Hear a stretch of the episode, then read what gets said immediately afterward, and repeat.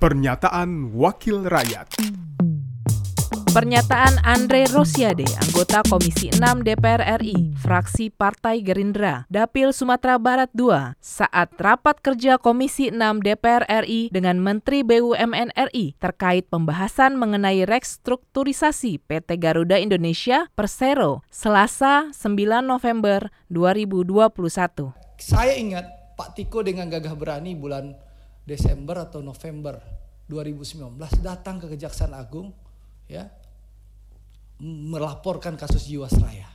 Untuk ini kita sudah dengar berkali-kali di di video Pak Dirut juga ada bahwa menyatakan Garuda ini harga sewanya, harga pesawatnya berkali-kali lipat dari harga sewa pesawat di market. Bahkan mendapat penghargaan penyewa pesawat termahal di dunia. Nah, untuk itu Pak, saya minta Pak Tiko ya mewakili Menteri BUMN melaporkan secara resmi ya pejabat Garuda yang mentandatangani kontrak-kontrak mahal itu ke aparat penegak hukum. Terserah Bapak mau ke KPK boleh, ke Kejaksaan Agung boleh, ke Baris Krim boleh. Tapi yang jelas sikap pemerintah itu jelas. Menindaklanjuti, melaporkan pelaku dugaan korupsi ini. Supaya ini pembelajaran kepada pejabat-pejabat BUMN yang lain.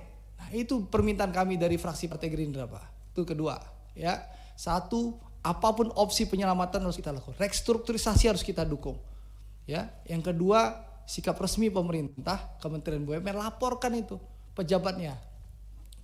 Jangan mentang-mentang pejabatnya sudah dalam penjara kita nggak laporkan. Ini sikap politik pemerintah pak, ya supaya pemerintah terlihat jelas, ya dan menjadikan peringatan dan pelajaran kepada direksi BUMN dan pejabat negara yang lain jangan macam-macam anda ya melakukan korupsi. Pernyataan Andre Rosiade, anggota Komisi 6 DPR RI, fraksi Partai Gerindra, Dapil Sumatera Barat II, Produksi TV dan Radio Parlemen, Biro Pemberitaan Parlemen, Setjen DPR RI. Pernyataan Wakil Rakyat